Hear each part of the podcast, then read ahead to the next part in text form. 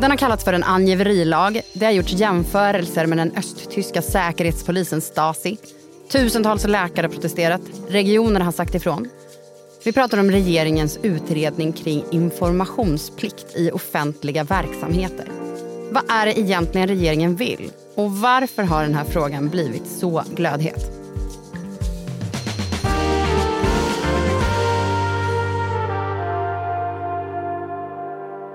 Det här är Älskade politik. Idag är Sverige på väg att bli DDR. Jag heter Evelyn Jones och Lina Lund, du är här. Hej. Hej. Och det är även Thomas Ramberg. Hej. Thomas, vad är informationsplikten? Rent politiskt så är det ju den fråga som eh, både opposition och en del inom regeringen ganska snabbt i samband med Tidöavtalet identifierade som en kanske svåraste under den här perioden framåt. Den som kanske har störst sprängkraft och möjlighet att skapa en Eh, perfekt storm för regeringen eftersom det både finns kritik utifrån och inne i regeringen. Eh, rent sakligt så handlar det om att man vill att alla myndigheter, inklusive de som jobbar i sjukvård och skola och socialtjänst, ska i princip ha skyldighet att anmäla om de kommer i kontakt med människor som saknar tillstånd att vara i Sverige. Sen har man lagt till då att man ska utreda om det i vissa situationer kan göras undantag och det man brukar tänka på då är just de här sjukvård och skola. Men det är oenighet om huruvida de där undantagen ska finnas och hur de i så fall ska se ut. Mm. Varför får då det här så stor uppmärksamhet? Ja, men precis som Thomas sa så handlar det ju till stor del om den här osäkerheten vad gäller huruvida det också ska gälla skolpersonal och personal i vården. Alltså grunden till den här utredningen eh, fattades ju av den förra regeringen, eh, Socialdemokraterna. Och det som är nytt nu är de här tilläggsdirektiven som kom tidigare i, i höstas. Och där står det ju då inte längre uttalat att man ska, att det finns en garanti för att undanta skola och vård. Och det är ju det som har väckt så starka känslor i debatten och öppnat för liksom en misstanke om att lärare ska behöva anmäla sina papperslösa elever och läkare ska behöva ange sina patienter. Och när jag har pratat runt i regeringen så är det ganska samstämmigt att det här att ta bort skrivelserna om just de här undantagen, det kommer från Sverigedemokraterna. Mm. Det är också intressant när man läser närmare där och det är säkert ingen slump hur det är formulerat. Det står inte att vissa personalgrupper, typ lärare eller personal på akutintagen eller så ska undantas, utan det står att vissa situationer ska man utreda om de ska undantas. Mm. Eh, och därmed skulle det alltså kunna vara möjligt att en, eh, en person som jobbar inom sjukvården i princip har den här plikten, men i vissa situationer då inte ska utöva den. Just det. Men hur det där landar får vi som sagt se. Och när utredningen är klar om ett år, då ska det ju förhandlas mellan partierna i Tidögruppen. Så, så det är fortfarande dra... tidigt? Liksom. Ja, alltså först kommer ett förslag från utredningen, sen ska de förhandla om hur ett lagförslag som regeringen lägger på riksdagens bord ska se ut. Så att det dröjer ett tag innan det här blir verklighet. Det är alltså ett tilläggsdirektiv till en utredning som sjösattes av den förra regeringen. Det handlar om att kanske ta bort undantagen i informationsplikten. Vad är det som faktiskt föreslås här? Ja, men det här förslaget är ju en del i ett mycket större program där man vill komma till rätta med det så kallade skuggsamhället. Ingen vet ju hur många människor som vistas i Sverige utan tillstånd. Det kan handla om asylsökande som fått avslag och stannat kvar. Det kan handla om människor som aldrig blivit registrerade i Sverige eller varit här på arbetstillstånd som gått ut och, och stannat kvar.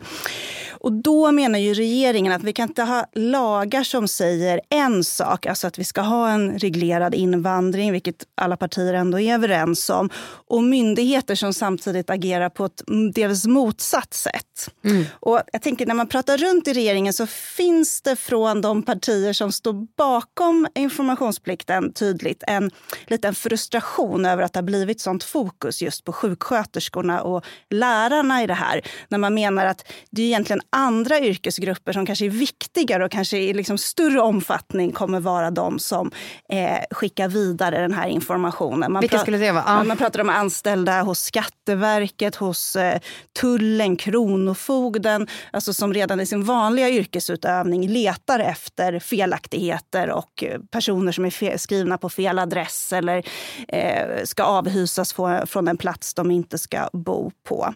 Och de som är emot informationsplikten pekar gärna på den här rädslan för att ett papperslöst barn ska riskera att deporteras direkt från klassrummet. Medan förespråkarna kanske hellre då pekar på en sån som Rahmat Akilov, alltså dömd för terrordådet på Drottninggatan, som trots att han hade ett avvisningsbeslut kunde fortsätta att leva öppet i Sverige och sen begå det här brottet. Mm. Men i den här utredningen så står det ju då också att man ska titta på konsekvenserna av om informationsskyldigheten inte efterlevs. Och det här har ju också blivit en del liv om. Vad är, vad är det det innebär? Då? Det innebär ju allt ifrån att det inte händer någonting om någon inte eh, anmäler en person som inte har tillstånd att vara i Sverige som de har kommit i kontakt med i vården, eller skolan eller socialtjänsten till att det händer någonting med den personen själv. En sorts sanktion, då, någon typ av straff som man får för att man inte har gjort det. Om man koms på med detta. Eller att den myndighet man arbetar på, eh, på någon nivå ovanför en själv då, får en sanktion. Så Det är ju högst oklart var det landar. Mm. Och det kommer väl också då, eh, antar jag från utredningens sida, bli föremål för flera förslag. Det är ofta så i utredningar man säger att man kan välja den eller den vägen och så blir det förhandling mellan ytterligheterna i regeringen i den här frågan är ju Liberalerna och Sverigedemokraterna. Sverigedemokraterna vill inte ha några undantag, de vill ha sanktioner. Liberalerna säger att vi måste ha undantag för sjukvård och, och skola. Och, eh, de har faktiskt inte sagt exakt hur de ser på sanktioner vad jag har sett, men där är liksom förhandlingen den dagen det är dags. Eh, vi har ju inget tjänstemannaansvar i Sverige. Det togs ju bort någon gång på 70-talet. Men den här regeringen, det står ju i tidavtalet att man vill utreda om man ska återinföra det på något sätt. Och jag tror att det har sjösatts en utredning eller om det är på gång snart. Och då, alltså innan den här lagen avskaffades så kunde ju då en anställd bli avstängd, avskedad eh, eller dömas till böter eller till och med fängelse om man då felaktigt eh, utförde sitt eh, arbete eh, som tjänsteman. Jag tycker sanktionsfrågan, eh, apropå det, är ju då egentligen ganska central i frågan här. Därför att är det så att du som eh, låt säga, sitter i socialtjänsten och möter en klient, som det heter väl, eh, mm. eller du är, möter en patient i sjukvården. Om du då vet att om någon ser det här och anmäler mig för att jag inte har gått vidare med det här, då råkar jag illa ut då blir det ju en annan nivå på den här anklagelsen som kommer upp i debatten ibland att det är ett angiverisamhälle. Mm. För då blir ju så att säga tjallande en faktor i sammanhanget. Mm. Det går ju inte att komma ifrån. Men om man inte har en sanktion eh, och, och ingen på någon nivå kan straffas för att man inte gör en sak eller underlåter att göra en sak då blir ju detta mer någon sorts allmän så här moralisk eh, bestämmelse. Just det. Men har det hintats någonting om vilka typer av konsekvenser det här skulle få? Eller är det bara oron för ordet konsekvenser hos kritikerna som har gjort att det här blivit uppmärksammat?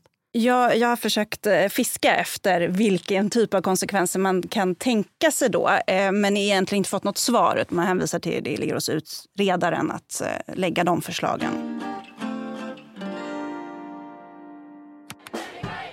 Det är inte ofta ett tilläggsdirektiv till en utredning drar till sig så mycket kritik redan innan det utretts.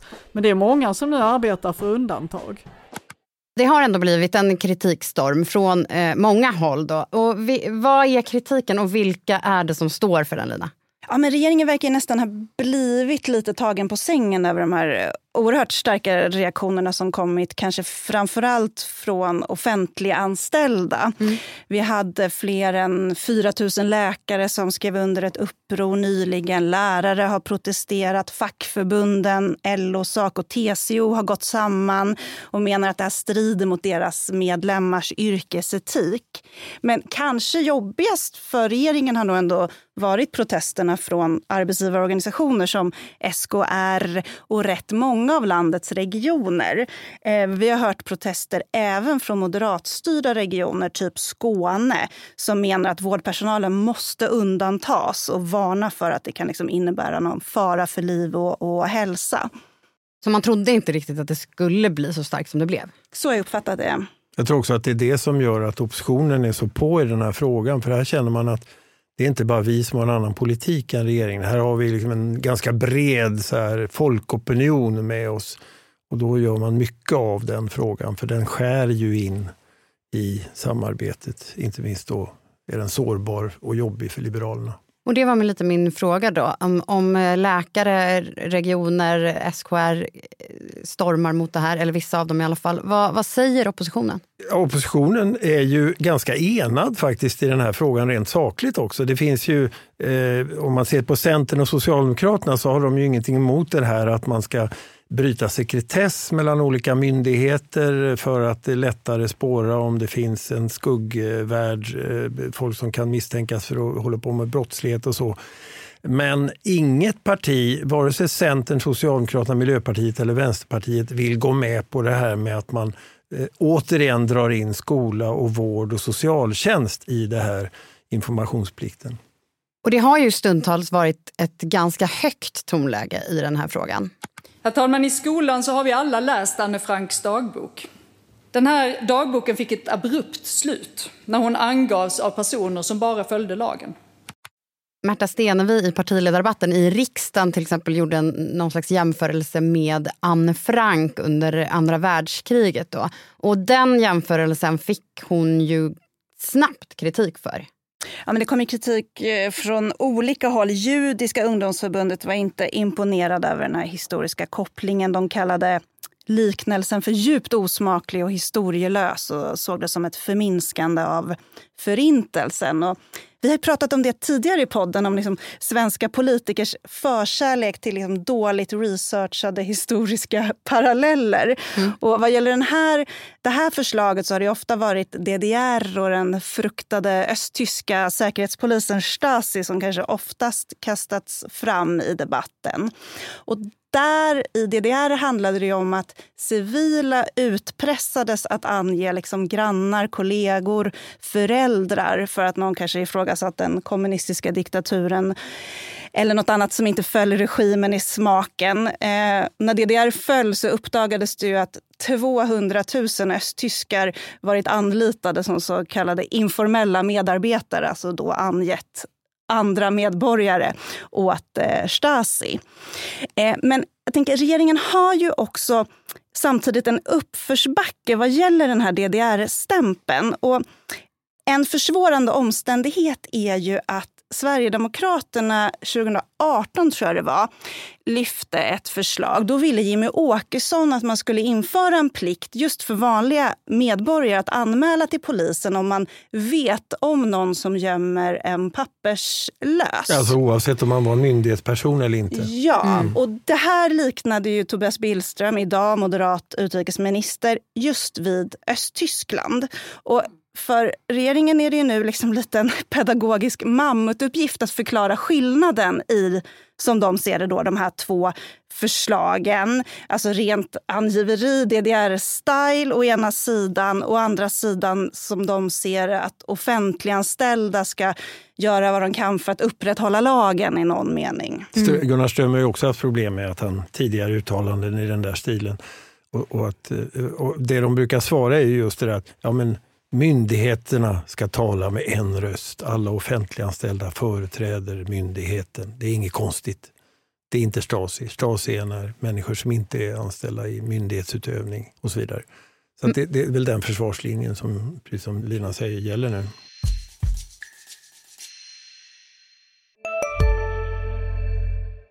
Har du också valt att bli egen? Då är det viktigt att skaffa en bra företagsförsäkring. Hos oss är alla småföretag stora och inga frågor för små. Swedeas företagsförsäkring är anpassad för mindre företag och täcker även sånt som din hemförsäkring inte täcker. Gå in på swedea.se företag och jämför själv. Alltså äter du i duschen? Nej, det gör jag verkligen inte. Men alla gör ju det nu. Duschsnacks, Frans. Vilka alla? Ja, men alla på TikTok och bloggar och allt möjligt. Så det är, de har en tallrik i duschen och så är det lite så här oliver och ostbågar typ. Nej men gud, tapas. Där drar jag gränsen. Jag, jag kan sträcka mig till duschöl. Men annars så får man torka sig innan man hugger in på godsakerna. Ja, men lyssna på Nära vänner, en podd med mig Fanny och dig Frans med Expressen. Viktiga nyheter. Finns det någon anledning till att den här eh, frågan som ju då handlar om tilläggsdirektiv eh, om informationsplikt, eh, att ha ett högt tonläge i den här frågan? Ja, det som framförallt eh, orsakar det är väl historien. Mm. Alltså det här är ju nästan som att ta tillbaks den rätt till sjukvård och skolgång som vi ganska länge har haft i Sverige och som det tog lång tid att etablera genom olika politiska förhandlingar och så i början på det här seklet. Och för säger man att de här personerna som man kommer i kontakt med som barn eller eh, som i behov av akut sjukvård eh, också kan leda till att man kastas ut ur landet, då är ju den rätten inte så mycket värd. Just det. Och vi ska prata mer om just hur det gick till när eh, papperslösa i Sverige fick rätt till sjukvård och skola. Men först är det halvtid.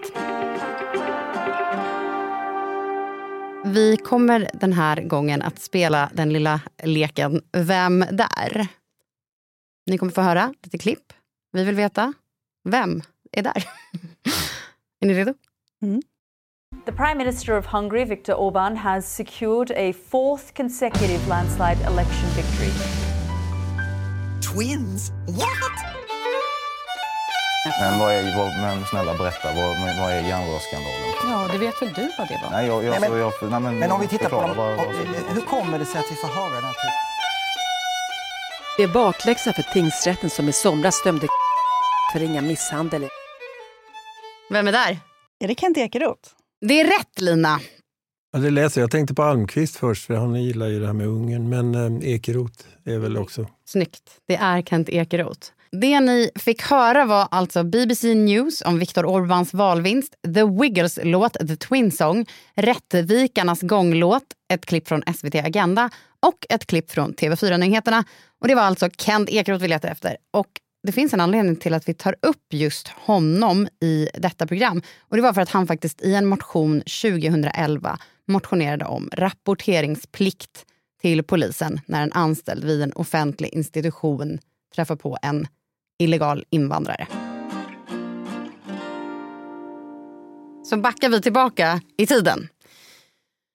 Det var ju alltså som du var inne på här innan Thomas, inte så jättelänge sedan som papperslösa inte hade någon självklar rätt till vård och skola i Sverige. Det infördes 2013. Kort innan det, vi gillar inte att prata om din gamla roll, men du pratade med Tobias Billström i Sveriges Radios lördagsintervju. Men kan du ge några exempel på eh, någon grupp som då skulle kunna vara i den kapaciteten enligt ditt sätt att se det, att de skulle kunna få rätt till skattesubventionerad sjukvård? En sån grupp skulle ju naturligtvis kunna vara eh, mödravård. Det är också en grupp som jag har nämnt när jag, blev- när jag, som jag har nämnt när jag varit eh, tillfrågad tidigare i debatten. Men det är också svårt att här och nu exakt du menar gravida kvinnor eller barn? Eller vad tänker du? därför att ofödda barn eh, kan inte rå för att föräldrarna fattar dumma beslut. Kan födda barn göra det? Födda barn följer naturligtvis sina föräldrar. Alltså bakgrunden här var ju att eh, redan alliansregeringen som tillträdde 2006 tog över en fråga kan man säga som var lite infekterad då. Den socialdemokratiska regeringen under Göran Persson hade inte hanterat detta. Det- Då var de här rättigheterna ganska begränsade och det hade Sverige fått FN-kritik för och man fick upprepad FN-kritik under alliansregeringen för att man inte ordnade med eh, bredare sjukvård. Än man, det var ju eh, ganska mycket upp till så här frivilligorganisationer, Röda Korset och andra och, och ge lite mer ordentlig sjukvård. Alltså inte bara det akuta att man kommer in, titta armen är av, eh, ta hand om mig nu, utan mera större insatser som man med tandläkare och sånt. Ja. Det blev, uppstod också en diskussion i den dåvarande alliansregeringen om skolgång. Alltså ska de här barnen som, eh, som eh, lever i Sverige med föräldrar som inte har tillstånd att vara här eller är asylsökande och, och överklagar och överklagar och inte har fått rätten. Ska de få gå i skolan? Eh, och det drev Liberalerna att de skulle få göra. Det tyckte även Kristdemokraterna. Kristdemokraterna, som då hade socialministerposten under sin partiledare Göran Hägglund, drev att man skulle få sjukvård. Det höll Liberalerna med om. Centern hade emot det. De som framförallt var emot det var Moderaterna. Mm. Och Sverigedemokraterna hade ju då i det här tidiga skedet inte kommit in i riksdagen än. Men sen gjorde man det 2010. Det intressanta som hände 2010, om man eh, ska försöka komprimera det här, det är ju att då har Fredrik Reinfeldt, trots en fantastisk valframgång, inte absolut majoritet i Sveriges riksdag, därför att Sverigedemokraterna har kommit in. Han vill då försäkra sig om att det inte finns ett block som är emot honom och samarbetar med Miljöpartiet. Genom det samarbetet får han en splittrad opposition, han får arbetskraftsinvandring och han går med på de här sakerna som han ju ändå har fullt upp att hålla borta från sin egen regering eftersom kristdemokrater, och liberaler och centerpartister redan vill ha det, skolgång och vård. Så det. genomförs. Så det var någon slags kompromiss? Ja, det var en kompromiss först inom den här regeringen, Ja. där Moderaterna var på ena sidan och de andra tre partierna på den andra. Och sen mellan regeringen och Miljöpartiet som ju vill dra den här rättigheten ännu längre. Eh, och i gengäld så fick man då arbetskraftsinvandring som man var väldigt angelägen om. Eh, man fick en splittrad opposition i riksdagen och man fick eh, faktiskt också de här skrivningarna om att eh, det, man ska försöka få ut så många som möjligt ur Sverige som inte har tillstånd att stanna här. Det var en annan viktig grej för regeringen som Miljöpartiet då motvilligt eh, gick med på och som de ibland fick kritik ifrån eh, humanitära organisationer och så för. Det låter nästan lika snurrigt som det har varit de senaste åren. Ja, alltså, men det, det var ju en tid när diskussionen blåste ganska mycket från det hållet som sa att ja, men de här människorna, titta så de lever, deras barn har gått i skolan, får sina kompisar, de har levt större delen av sina liv, sina korta liv i Sverige. Även om de, deras föräldrar rent juridiskt inte uppfyller alla kriterier för att få stanna så är det inhumant att skicka tillbaka dem. Kom Mm. igen nu. Det var liksom det som var stämningen före 2015. Det är lätt Ja. att glömma det. Mm. Men okej, så då var det eh, Moderaterna som var emot att de skulle få eh, rätt till skola och sjukvård då. Ja, de ville åtminstone begränsa det mycket De, mer. de ville åtminstone begränsa ja, det. Särskilt, det var ju sjukvården som man kunde ha olika på. Skola har man ju eller så har man det inte. Ja. Eh, KD och L var några av dem som ville se det här. Och idag sitter ju både M och KD och L återigen i en regering med stöd av Sverigedemokraterna. Vilket parti i regeringskonstellationen är då den här eh, informationspliktsutredningen svårast för? Det är ju för Liberalerna som skruvar på sig igen ordentligt. Eh, och ska man placera partierna på en skala så har ju L agerat huvudkritiker, ganska tätt följda av KD ändå med M någonstans i mitten och så SD som är mer all in och helst inte vill ha några undantag alls. Ehm, och jag tror att för Liberalerna så har det varit väldigt viktigt att eh, få med de här skrivelserna om att utredaren ändå ska titta på undantag eh, vad gäller skola och vård. Då. Och man hoppas innerligt att barnkonventionen som Sverige har skrivit, Sverige skrivit under på ska trumfa SDs eh, önskemål om att eh, få igenom sin linje i det här. Och när jag pratat runt med liberaler så tror många ändå att man lyckats formulera direktiven på ett sånt sätt att eh, utredaren kommer vara nödgad att föreslå de här eh, undantagen just.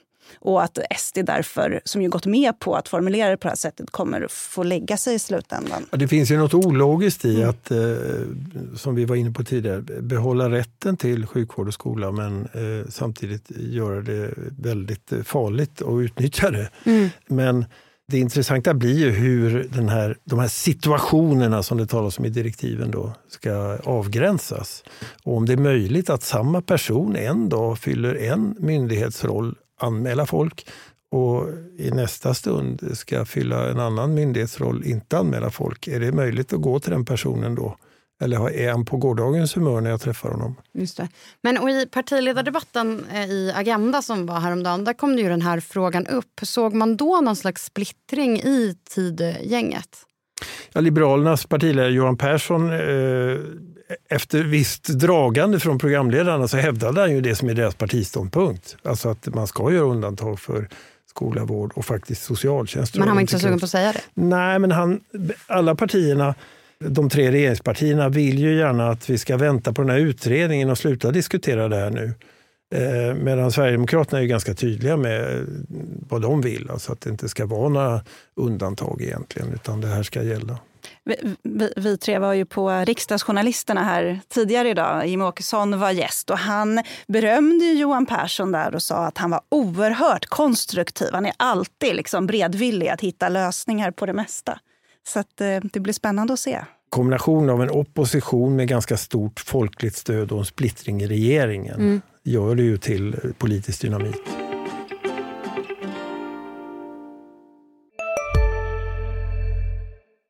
Hej, Synoptik här.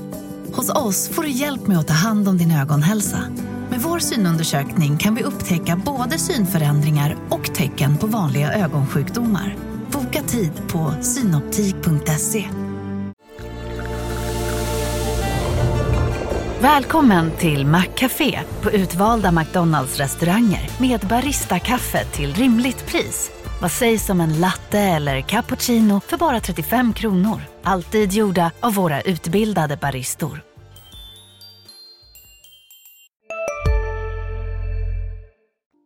Nu är det dags för övertid. Och då har vi då alltså i regering två partier som drev på för att papperslösa skulle få vård och skola.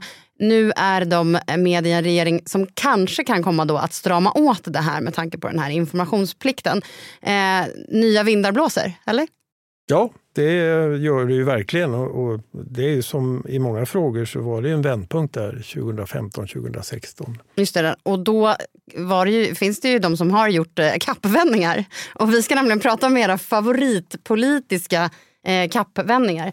Eh, Lina, har du någon? Ja, men jag kan ta den eh, senaste i tid, Nato. Ja. Supertydlig från dåvarande regeringen, Socialdemokraterna gäller både Nato och eh, beslutet att skicka vapen till ett krigförande land, mm. Ukraina, mm. första gången sedan andra världskriget. Det var inte lång tid som gick där. Kappan vändes väldigt snabbt. Eh, den vändes med orkanens hastighet. Ja, det var väldigt stormigt den dagen. Thomas, du då? Ja, Gustav V vände ju om den allmänna rösträtten när han ja. var rädd för revolutionen. Jag minns inte det lika bra som eh, Nej, men eh, för att ta lite modernare, så är det, den klassiska svenska politiska kappvändningen är väl Centerns relation till kärnkraften. Mm. Där man först då vinner val på att eh, stoppa kärnkraft Sen eh, 1976, den första borgerliga regeringen, sprack på frågan men innan dess hade Centern faktiskt hunnit svika sitt löfte att inte ladda en reaktor. Eh, Torbjörn Fälldin hade ju sagt väldigt moraliskt högtidliga saker om detta. Så det var en utfästelse som ett, en, en, eh, ett löftessvek som heter duga. Sen har faktiskt Centern lyckats ge efter i den där frågan flera gånger. Maud Olofsson gjorde ju det i Alliansen 2009 när jag gick med på att man skulle få ersätta de nuvarande reaktorerna. Eh, senast stämman eh, häromveckan eh, i Örebro så gick man med på att det skulle få finnas fler reaktorer än de här tio. Så det där är någon sorts gåva som keeps on giving, Centerns eftergifter i kärnkraften. Man hoppas att de är en sån här dubbelfodrad kappa, ja. så man kan ha den åt båda håll. Men sen kan man säga att Ulf Kristerssons vändning om eh, synen på att samarbeta i och regera med Sverigedemokraterna är ju en ganska stor kappvändning. Och det har, den blir ju ännu större därför att eh, Ulf Kristersson har ju den sortens retorik där han är lika intensivt övertygande om varje ny ståndpunkt han intar och, och om att den han nyss hade och var lika övertygad om i sin retorik då är fullständigt felaktig och helt extremt dålig. Och det förstärker ju den här bilden. Så då får man se vad han är övertygad om inför nästa val då? Ja, det var du som sa det. Nej, det var det inte. Eh, ja, ehm, då var vi klara för idag. Tack så mycket Lina. Tack. Och tack Thomas. Ja, tack så du eh, Och tack för att du lyssnade. Glöm inte att prenumerera på Älskade politik så du inte missar några nya avsnitt. Vi är tillbaka på onsdag. Producent var Viktor Aldén. Klippning och musik Patricio Samuelsson. Ljudtekniker Patrik Miesenberger. Klippen i avsnittet kommer från SVT, TV4, Expressen TV, BBC och Sveriges Radio. Och ansvarig utgivare för Dagens Nyheter är Peter Wolodarski.